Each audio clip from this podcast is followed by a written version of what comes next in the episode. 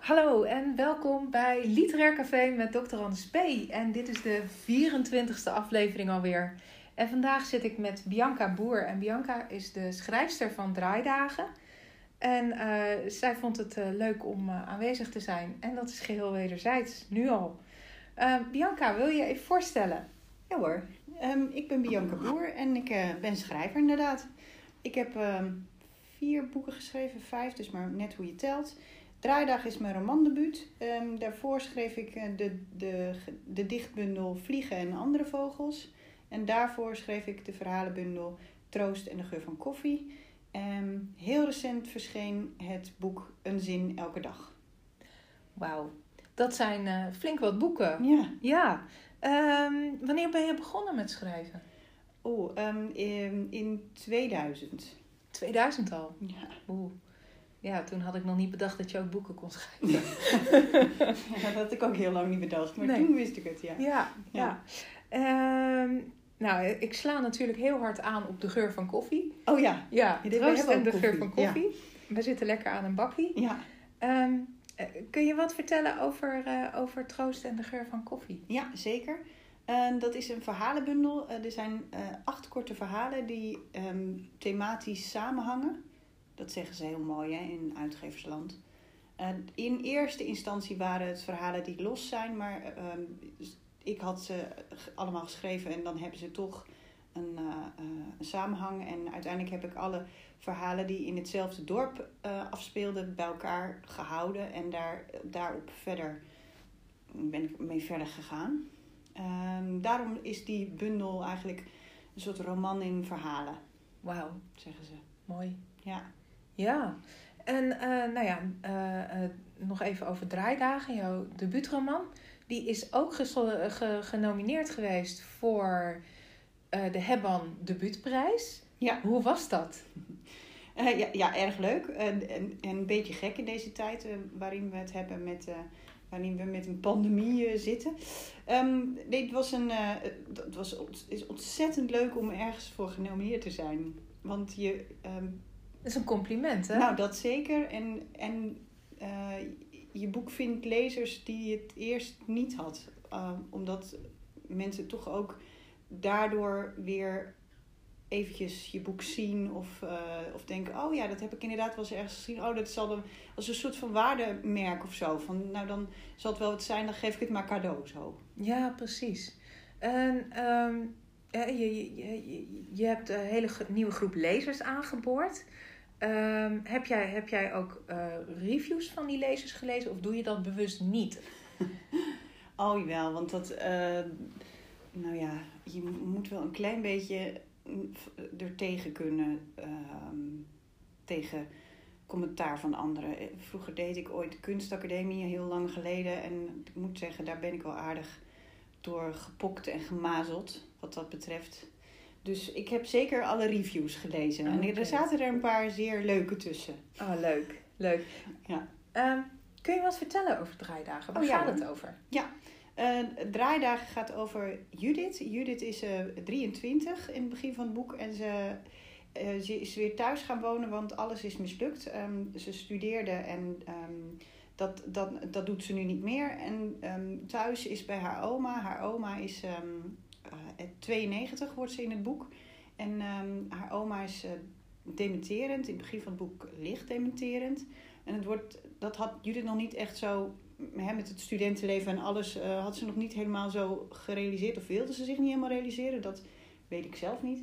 En um, oma heeft een oorlogsverleden dat eigenlijk al naar gelang haar Alzheimer of haar dementie verergert, um, komt dat oorlogsverleden is niet meer te onderdrukken voor haar. En om haar oma goed te begrijpen of beter te begrijpen, gaat Judith meespelen in een film over de Tweede Wereldoorlog. Ja. Uh, en de, een groot gedeelte van het boek speelt zich af op de set van de Nederlandse speelfilm. Die... Ja, Draaidagen, dat slaat natuurlijk als titel op, uh, uh, op de dagen dat Judith op de set is. Mm -hmm. Heeft die nog een diepere betekenis? De... Nee, het, staat, het slaat ook voor mijn gevoel op, op het feit dat voor Judith haar leven omdraait. Of dat alles veranderen kan. Ja. Het is een voor. Ik bedoel, als schrijver schrijf je natuurlijk over een moment in iemands leven of in het leven van je hoofdpersoon dat het meest belangrijke is voor die hoofdpersoon. Dus eh, dit is een, niet een, een rustige tijd voor Judith, zullen we maar zeggen. Ja, ja. En sowieso is bekend natuurlijk dat eh, mensen met Alzheimer of dementie weer veel meer in het verleden gaan leven. Uh, dus ik denk dat je hiermee ook een enorm groot thema hebt aangeraakt, wat op dit moment maatschappelijk toch wel heel erg speelt ook. Ja, ja. dat denk ik ook wel. Ja. ja. Hoe, hoe lang ben je bezig geweest met schrijven van draaidagen?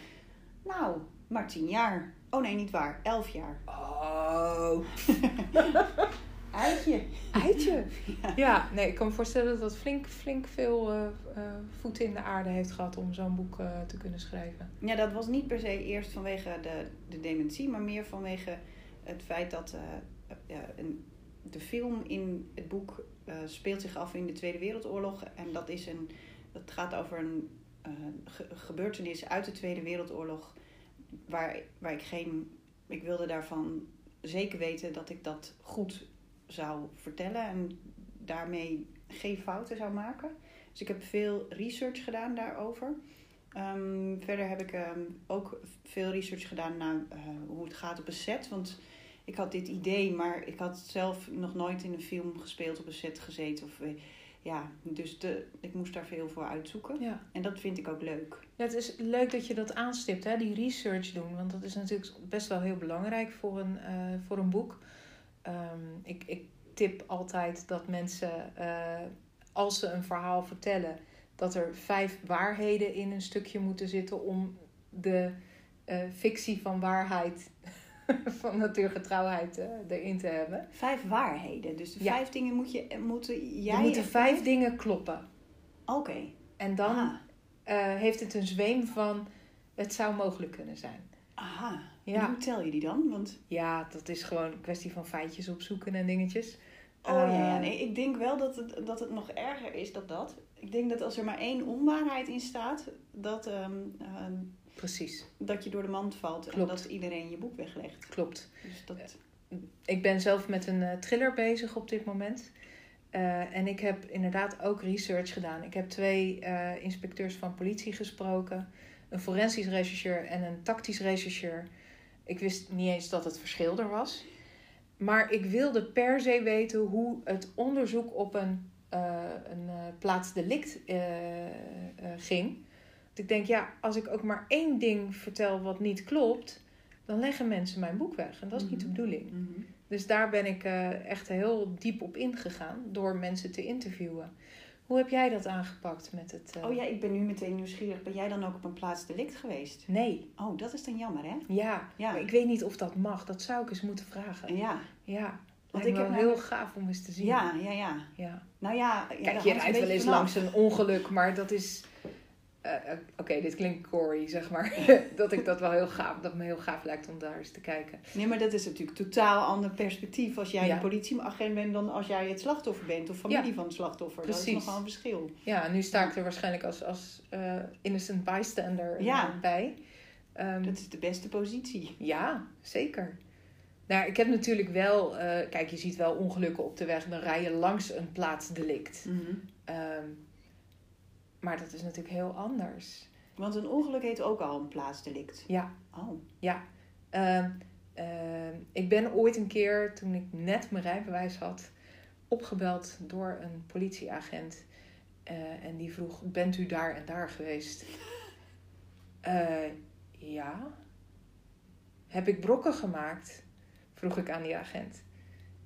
Um, nou, dat kan, maar ja, de, de persoon die uh, uh, wil aangifte doen en u heeft een misdrijf gepleegd door weg te rijden van plaats delict. Wauw. Ja, maar ik, ik, ik, wist het helemaal niet. En nou ja, goed, uiteindelijk ben ik toch met die man in gesprek gegaan en hebben we het keurig opgelost. Maar dat is, dan sta je ineens als dader op plaats delict. En ja. dan denk je, oeh, shoot. Ja. dat is wat minder leuk. Ja. ja. ja. En is het daarmee dan ook begonnen, jouw fascinatie voor um, deze thriller? Of?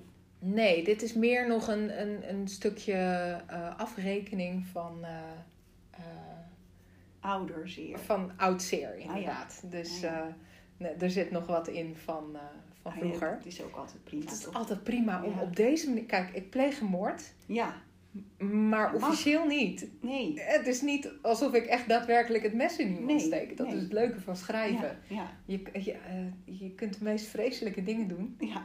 En je komt er gewoon mee weg. Ja, precies. En ik heb een boekje ergens liggen, daar staat op de kaft... Never piss off a writer. You never know what they're going to do to you in your next book.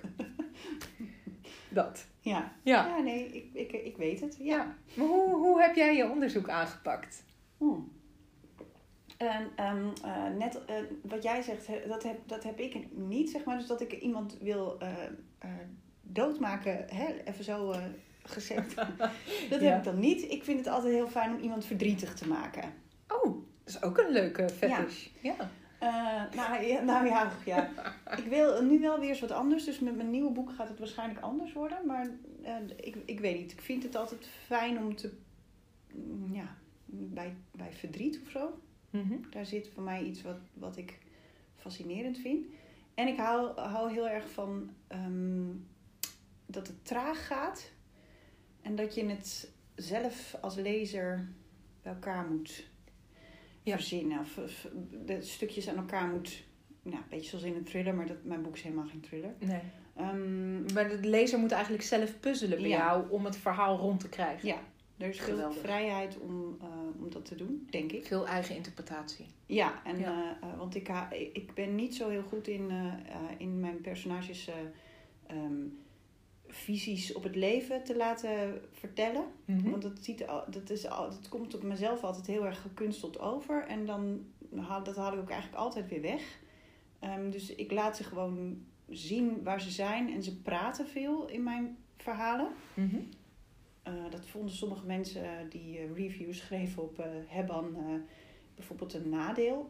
Mm. Maar goed, Eh, ik vind dat heerlijk. Ik hou heel erg van eh, dialoog in boeken. En ik vind daarmee kun je heel erg kleur maken. aan- Met je, kun je personages heel goed Ja, laten zeker. zien. Ja. En eh, dat, ja, dus dat vind ik heel erg, heel erg leuk. Ehm, hoe ben ik met die research begonnen? Ik heb gewoon eerst alles gelezen wat los en vast zat over, in dit geval dan het Apeldoornse Bos, waar de draaidagen, ehm, dus waar de set van de film is, of waar, waar, waar de film over gaat. Ja. Een gebeurtenis in de Tweede Wereldoorlog waarbij, ik weet niet of je het weet. Het, het, het ging om een, eh, het, eh, eh, het oppakken van een hele, heel verpleeghuis voor Ja. mensen met Down-syndroom of een andere beperking Ja. in het geestelijke aspect. Ja, dus niet alleen mensen met een, dus, maar ook mensen bijvoorbeeld met schizofrenie of met ehm, eh, dus, dus, ja, psychiatrisch Ja, patiënten zou je nu zeggen. Ja. Maar toen zei je een, eh, een krankzinnige gesticht, zo heette Mhm. het toen. Mhm. En ehm, eh, het hele krankzinnige gesticht is in één nacht tijd afgevoerd ehm, in eh 40 klaarstaande wagons, of 30, dat weet ik wel in mijn research, maar nu weet ik niet meer helemaal precies. En ehm, zijn rechtstreeks naar Auschwitz gereden, niet via Westerbork en zijn allemaal bij aankomst vergast. Zo. En daar wilde, ik, daar wilde ik een Nederlandse speelfilm over maken, waarin de hoofdpersoon uit de speelfilm eigenlijk een bijpersoon in het boek is. Want de hoofdpersoon in het boek is mijn Judith, Ja. die haar verhaal is voor mijn boek het belangrijkste. Ja. Ehm, je hebt een hele bijzondere manier van eh, eh, het verhaal vertellen. Hè, we zien het verhaal vanuit Judith. En eh, Judith vertelt dingen aan haar oma. Mhm. Ik, ik, ik- heel, ehm, er is een, de, de eerste zin eh, zag ik ergens voorbij komen in de reviews die ik gelezen heb. Eh, iets met ik, ik, ik geef je de botervloot. En, eh, En ik geef je de roomboter aan. Ja, En ik geef je de roomboter aan. Ja. ja. Alsof je midden in een gesprek valt, of, maar het is een, dat kom je later in het boek, kom je daar langzamerhand achter. Het is een eenzijdig gesprek van Judith, die eigenlijk haar oma bijna haar leven vertelt. Of haar, ja. ja. Ja want ze, zij heeft natuurlijk het leven, hè, dat, dat het verhaal van haar oma glipt weg. Ja. Het glipt, het, het, het, het verdwijnt uit haar oma, het verhaal. Hè, door, de, door de dementie. Tenminste, zo, zo zie ik het. Eh, waardoor Judith probeert haar, haar verhaal terug te geven. Ja en nee, want het is ook een beetje door die de- dementie is alsof er een soort deksel van iemand afgaat. Waardoor, wa- laten we zeggen, wat er, wat er nog in de pot zat, ja, overstroomt. Ja, Dus het is wel een soort van ja, laatste op, opflakkering van, van ellende in, in, in oma, zeg maar. ja. ja, omdat ze natuurlijk ook veel meer in het verleden gaan leven. Dus dat verhaal ook weer terugkrijgen. En Nee, niet meer, ze heeft geen mogelijkheden meer om het te- niet te hebben, ja, om het weg te duwen. ja, precies. Dat is het. Want ze, wat, ja, zij, ze, dat heeft ze, Ja. Had ze in mijn beleving haar hele leven gedaan, waardoor er ook weinig over gepraat werd. En Mhm. eh, dat is nu niet meer eh, te doen. Dus dat komt dus hoe dan ook, ja, komt Ja. het eruit nu. Nou, dit is dan een, een eh, proza-verhaal, draaidagen. Ja. Ehm, als je zou moeten kiezen, alleen nog maar proza schrijven of alleen nog maar poëzie schrijven? Wat zou je willen? Ah. Ah.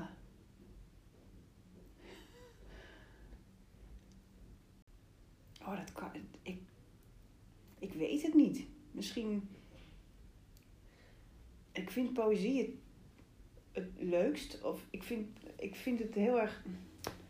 Hmm, Maar ik wil heel graag. Ik wil heel graag ervan kunnen leven. Als dichter is het nog moeilijker om te leven van wat je maakt. Dus, Ja.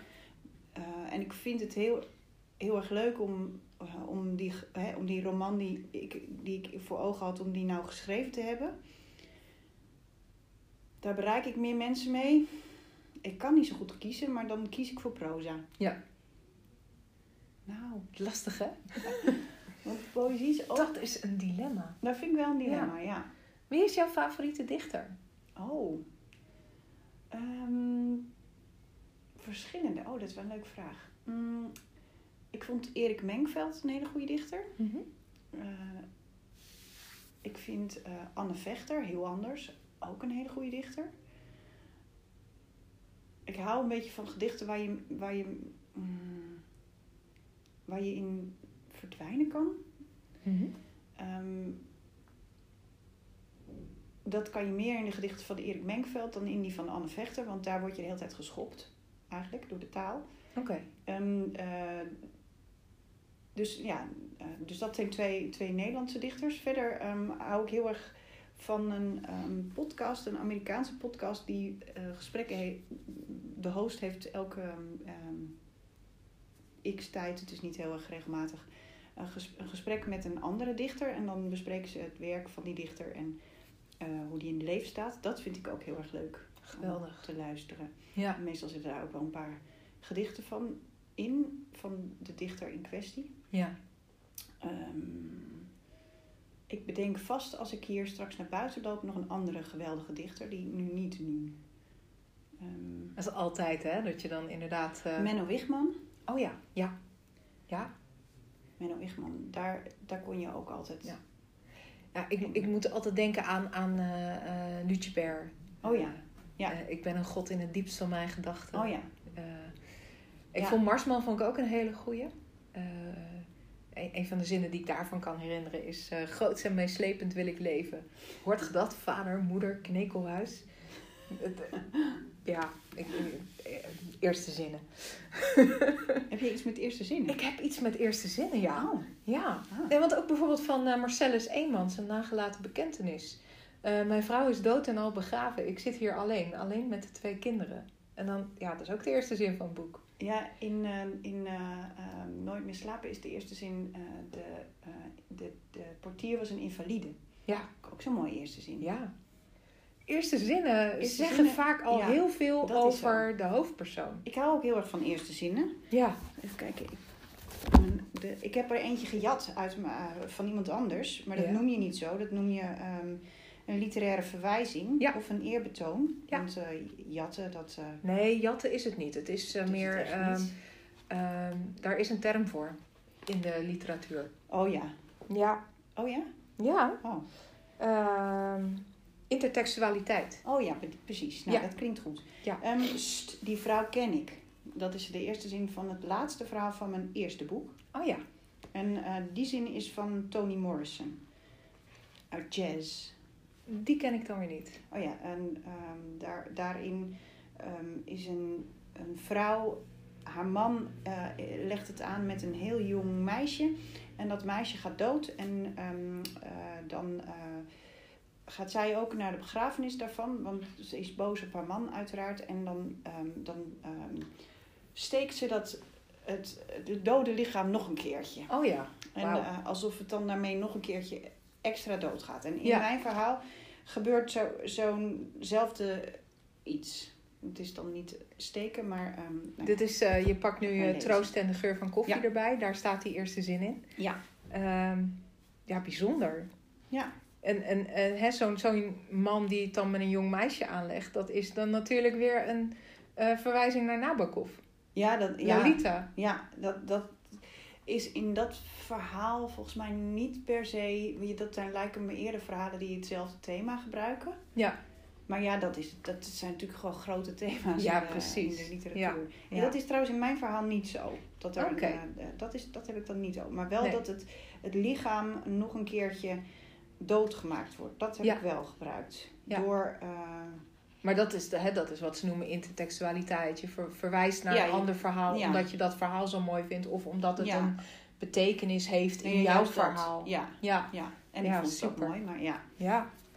Hey, ik, ik zie hier ook een boek liggen, Een zin elke dag. Oh ja, ja. Vertel, wat is Oh, dat voor, eh, voor moois? Over eerste zinnen. Nou, ehm, Ja, toen ik dus eh, draaidagen schreef, wat ik dus best lang deed, zo Mhm. zei ik net. ja een jaartje of Ehm, tien, elf? Elf, ja. Ja? eh, heb ik ook een aantal jaren dat ik niet zo goed...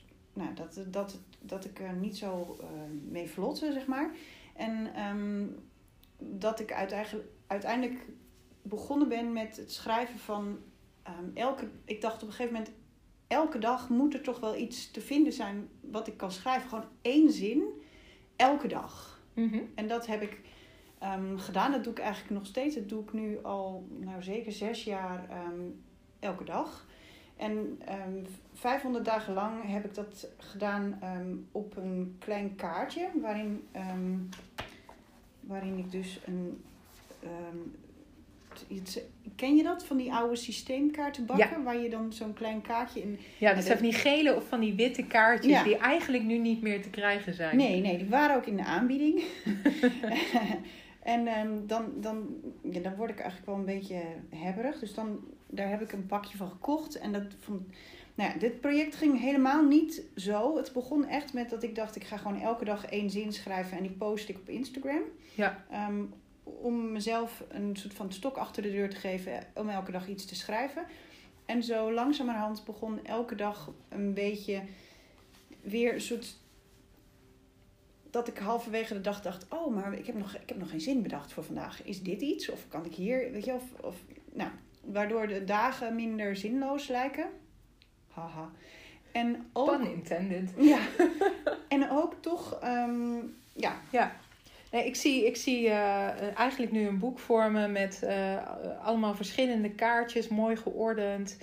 eh, met eh, eh, mooie tekeningen erbij. Ehm, en op ieder systeemkaartje staat eh, eh, dan ook één zin ja, of een woord. of een woord. Ja.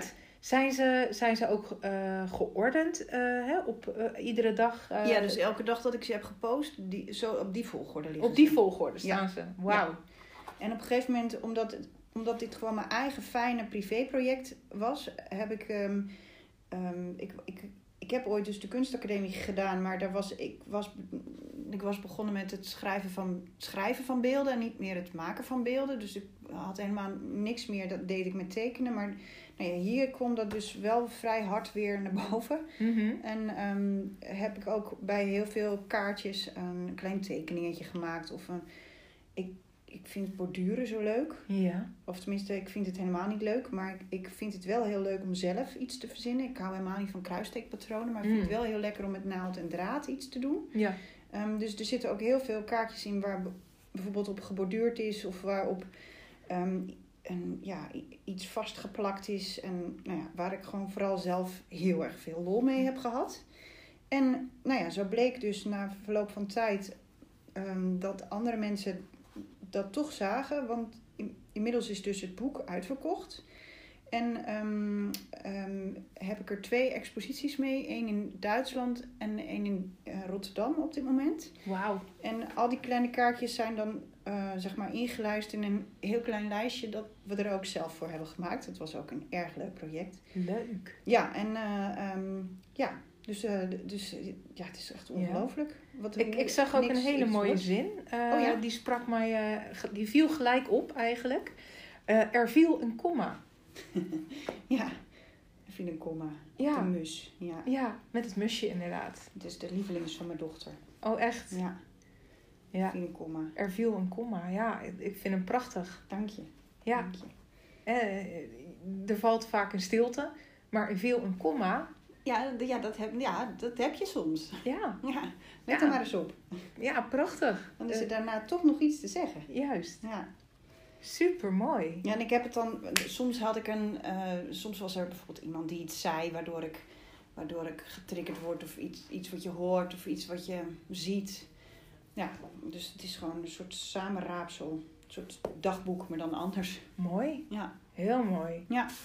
Wat een geweldig project. Ja, ik ben er zelf heel blij mee. Ik ben Ja. het nog steeds, maar nu niet meer elke dag, omdat ik nu. De kaartjes zijn nu twee keer zo groot.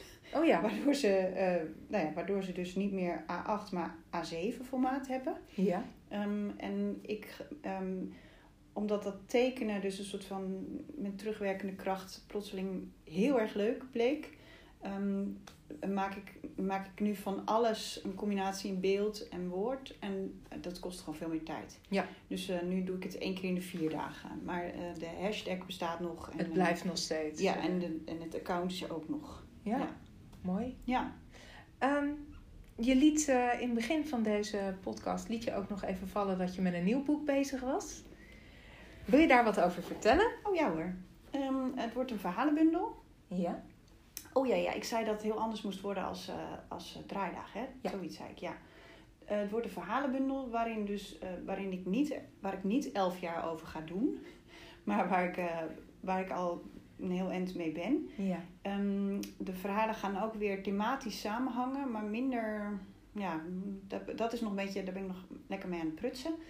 Ehm, ik wil vooral hele korte, gekke verhalen maken. Oh, In plaats van een, ehm, een Lang zwaar groot, thema. zwaar, ehm, maar dan wel licht opgeschreven verhaal ehm, met, met generaties en geschiedenis en zo. Dit gaat gewoon, dit kan gaan over een moeder die in een beest verandert. ah, die verwantloon Kafka. Ja, maar dan Ja. op mijn manier. Maar Ja, inderdaad, precies. over intertextualiteit gesproken. Precies. Ja. Hey, ehm, eh, heb je al enig idee wanneer dit boek, eh, nieuwe boek van jou gaat uitkomen? Heb je een deadline? Of heb je zoiets van, nou, laat ik dat nog maar even voor mezelf houden? Nou, je, oh, dat, mag je wel weten. Dat hoeft echt niet voor mezelf gehouden te worden. Ik ben niet zo goed met deadlines. Dus ehm, als je daarvan zegt dat het per se moet, dan heb je kans dat dat gewoon niet gebeurt. Ja. Maar mijn eigen deadline ehm, eh, is dat, dat, ver- dat die verhalenbundel zo snel mogelijk ehm, geschreven Ja. wordt. Dus dat, ehm, ja, daar zeg ik dus echt niks mee. Heb je Nee. niks aan. Geeft Ja. niet. Maar het het is wel leuk om te weten. ja. Het is af als het af is. Dat Ja. is heel vaak zo inderdaad. Ja, ja. Ja. Ehm, als je zou moeten kiezen, ik ga je nog één keuze voorleggen. Als je zou moeten kiezen, eh, een verhaal zoals Draaidagen, een roman of korte verhalen? Oh, zo'n moeilijke keuzes heb jij zeg. Ja. Hmm, dat, vind ik, dat vind ik ook weer niet te doen qua kiezen. Want ik weet dat een roman, hè, de meeste mensen willen graag in een boek duiken, omdat ze een soort, ja, een soort afspraak met het boek willen voor 300 pagina's. En Ja. niet voor maar 30 pagina's, want dan moet je de hele tijd van wereld veranderen. En daar word je als, kennelijk als gemiddelde lezer, ehm, wil je dat niet. Mhm. Mm, dus als ik dan moet kiezen voor, eh, voor de kans dat ik er ooit gewoon helemaal mijn geld mee kan verdienen, dan, dan kies ik voor de roman. Maar ik zou het liefst eigenlijk allebei willen doen Ja. weer. Ja, Dus en ik- korte verhalen en romans en poëzie. en poëzie. Ja, Je bent gewoon eigenlijk een multitalent dan, als ik het zo zie. dank je. Ehm, heb je nog een tip voor de luisteraar? Eh, en dan eh, op, op welke manier? Op, op, voor luisteraars die al begonnen zijn met iets, of luisteraars die juist nog willen beginnen? Of, of, ehm, weet je, want Ja. mijn tip zou zijn: schrijf nooit een boek, want het is gewoon een ellendig proces. Dat, dat, eh, dat, dat is absoluut waar. dat ben ik met je eens. Ehm, maar hoe zorg je ervoor? Want je hebt dus elf jaar over draaidagen gedaan. ja, Hoe heb jij ervoor gezorgd dat je het hebt afgekregen? oh ja. Dat is misschien wel iets Oh, waar ja. ze aan mee kunnen nemen. Hè? Want doorzettingsvermogen is natuurlijk nodig. Maar er is vast nog iets waardoor je dat boek afgekregen hebt. Ja, ehm, doorzettingsvermogen is volgens mij wel ook echt heel erg belangrijk en bestaat niet in gemiddeld elk mens. Dus als je een schrijver bent, ehm, maar je wilt niet de hele tijd opnieuw naar die tekst kijken, dan ehm, kan je toch misschien beter iets anders gaan doen. Mm, doorzettingsvermogen is iets, ik vind het een ontzettend leuke ontdekking al vrij in het begin van, eh, van, van mijn schrijfcarrière, zullen we zeggen. ehm, dat herschrijven zo leuk is. Ik vond dat eerst iets voor watjes. Ik dacht gewoon, eh, dat ga ik toch niet doen. Dat is echt, dat, ja, bij andere mensen dat die er dan tien versies over doen, dat moeten zij weten. Maar ik ga dat gewoon in één versie doen. Ja. Maar de, de vrijheid is juist dat je er tien versies over mag doen. Want dan mag die eerste versie gewoon heel erg slecht zijn. Ja. Als het maar het hele verhaal is wat je wilt vertellen. ja. En dan kan je daarna zien wat het verhaal is dat je hebt verteld. Waarna je kan kijken of het het verhaal is wat je wilde vertellen. Of dat er iets heel anders staat, wat heel vaak gebeurt. Daar moet je Mhm. echt niet in vergissen. Veel vaker staat er iets wat je, waar jij vanzelf van denkt: oh, dat is volledig duidelijk. Waar, waar, waar voor de lezer helemaal niet duidelijk is wat je Ja. bedoelt. Ja. Niet wat jij bedoelt, maar wat je als schrijver bedoelt. Mhm, Dus dan, mhm. eh, dat is echt heel belangrijk. Herschrijven. Ja. Steeds maar weer kijken. Staat er wat ik wil dat er staat? Is alle, is, zijn de verhoudingen nog goed? Ehm, staat alles op de goede plek? Verander ik niet ineens van naam in een personage? Dat kan. Je hebt het al, Ja. Op het allerlaatste heb ik er nog twee samengevoegd. Ik dacht, ja, deze twee hebben eigenlijk Mhm. zijn een beetje, ja, het zijn allebei bijfiguren. Waarom hebben ze een naam? Dat kan ook gewoon één zijn, zeg Ja. maar. Ja. Dus dat kan. Samensmelten van personages is inderdaad een hele goede tip. Ja, Ja. Dat scheelt weer een personage in je boek. Dat ook. En Want eh, de mens kan maar zoveel aan. En Ja. als het niet, niet nuttig is in je verhaal, moet je het gewoon weglaten. Dus dan Precies. is het ook helemaal niet nodig. Er was nog iets anders. Jij vroeg hoe lang ik, eh, of ik een tip had om door te zetten. Ja. Mm, wat mij heel erg hielp bij dit verhaal was dat ik echt dit verhaal wilde vertellen. Mhm. Dus het verhaal hielp ook heel erg. Dit idee, daarvan wist ik dat het, hè, na, laten we zeggen, na een jaar dat ik eraan gewerkt had, had ik alleen nog maar gezien wat het kon worden. En wat het nog lang niet was, maar had ik al wel een jaar in geïnvesteerd. Ja. En ehm, vond ik het zonde om wat ik erin had geïnvesteerd weg te doen. Ja. En, zo, en zo is dat elke keer gebeurd. Na vier jaar dacht ik, ja, nu heb ik, heb ik de wereld, personages heb ik, maar het personage heeft nog niet een goed verhaal. Of ik noem maar wat. En ehm, dus heb ik steeds weer toch het verhaal laten leiden. Zeg Ja, maar. je hebt het eindpunt voor ogen gehouden. Ja. Ja. De visie waar je naartoe wilde. ja, En daardoor kon je het verhaal ook afschrijven. Ook al ja. duurde het elf jaar. En ook al wist ik het letterlijke eind niet. Nee. Tot op het laatst. Is Nou, vaak, hè? O, het eind wist ik wel. Hoe het eindigen zou in de, in de gebeurtenissen wist ik wel. Maar ik wist heel lang niet hoe het ehm, net voor het eind moest eindigen. Ja. Ja. Ja. Hoe je naar het einde toe kwam. Ja, wat, Ja. eh, ja. Top. Ja. Wat een gaaf proces. Ja, hè? Mooi. Ja. Ja. En waar ben jij? Nou ja, ik, eh, ik heb nu eh, een, een pagina of eh 45 ongeveer. Eh, ik ben even blijven steken bij de moord, omdat die opnieuw moest. Want ik had wat moeite met de moord uitvoeren. Ik ben natuurlijk niet heel erg gespecialiseerd in, in eh, mensen vermoorden. Dus ehm, ja, ik moest echt even kijken van hoe kwam dat dan? En hoe ga ik het aanpakken? En eh, het moet wel zo zijn dat ze op de plaats delict moeten blijven. Eh, dus er moet wel meteen duidelijk zijn dat de persoon vermoord is. Ehm, maar hoe doe ik het zonder dat het overduidelijk is dat wie het gedaan heeft? Ja, ja, ja. Dus ja, daar zat ik een beetje mee. Ehm, nou, het wordt verteld vanuit verschillende vertelperspectieven. Uh, ieder hoofdstuk is een ander personage. Er zitten, uh, uh, het is een vriendengroep van acht, waarvan één wordt vermoord.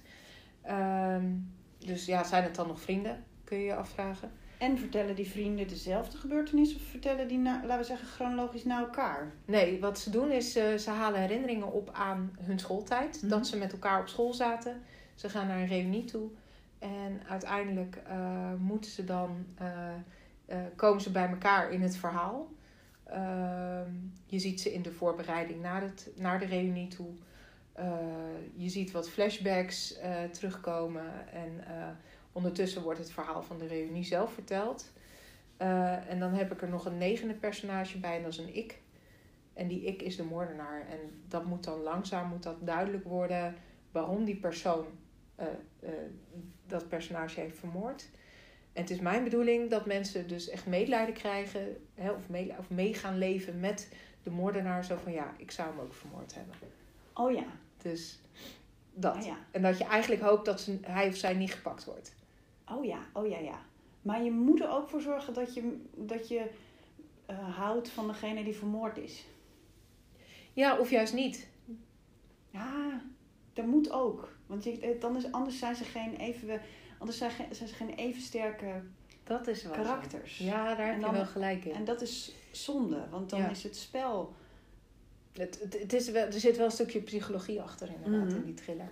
Dus eh, het, het is nog niet helemaal uitgekristalliseerd. Ik ben Oh, al dat is wel lekker. begonnen, Maar lekker. Het woord. dit moet nog even een beetje... En ik moet nog even zien hoe ik dan naar een einde kom. Ja. Waarbij je dus inderdaad ook daadwerkelijk denkt... Ja, ik zou het ook gedaan hebben. Nee, Dus- dat, dat, dat moet je zeker houden. Dat Ja. moet je zeker houden. Ja, Ja, ja dat, dat, dat, moeten we, dat moeten we begrijpen. Waarom voor, voor de ik er niks anders op zit dan, eh, dan, dan, te, dan, dan die moord te Ja, begaan. ja. Dus ja, er Ja. moet een soort compulsie in zitten, een soort dwang in zitten, Mhm. waarvan ik denk, ja, ik snap dat je het doet. Ehm, ja, aan de andere kant denk ik ook van ja, toch even kijken hoe, we dat, eh, hoe ik dat ga aanvliegen. Dus, maar je hebt me wel weer wat gegeven om over na te denken, dus dank je wel. Alsjeblieft. En eh, nou, de- eh, hiermee zijn we aan het einde gekomen van... eh, Nu onze- al? Nu al, ja. Ja, Van deze aflevering. nou, fijn. Bianca Boer, dank je wel dat je in mijn podcast de gast wilde zijn. En ehm, nou, ik ga, eh, we gaan, eh, ik ga heel erg uitkijken naar je nieuwe boek. Nou, dankjewel. Eh, ik ga zeker ook draaidagen re- reviewen. Fijn, fijn. Doe En dat. ehm, Ja, ik ben heel benieuwd wat je ervan vindt. Ja. ik, ga hem, ik ga hem lezen. En, Oké. ik ben heel nieuwsgierig. Oké. Ja. Nou, Nogmaals, dankjewel. En nou, bedankt voor het luisteren en tot de volgende keer.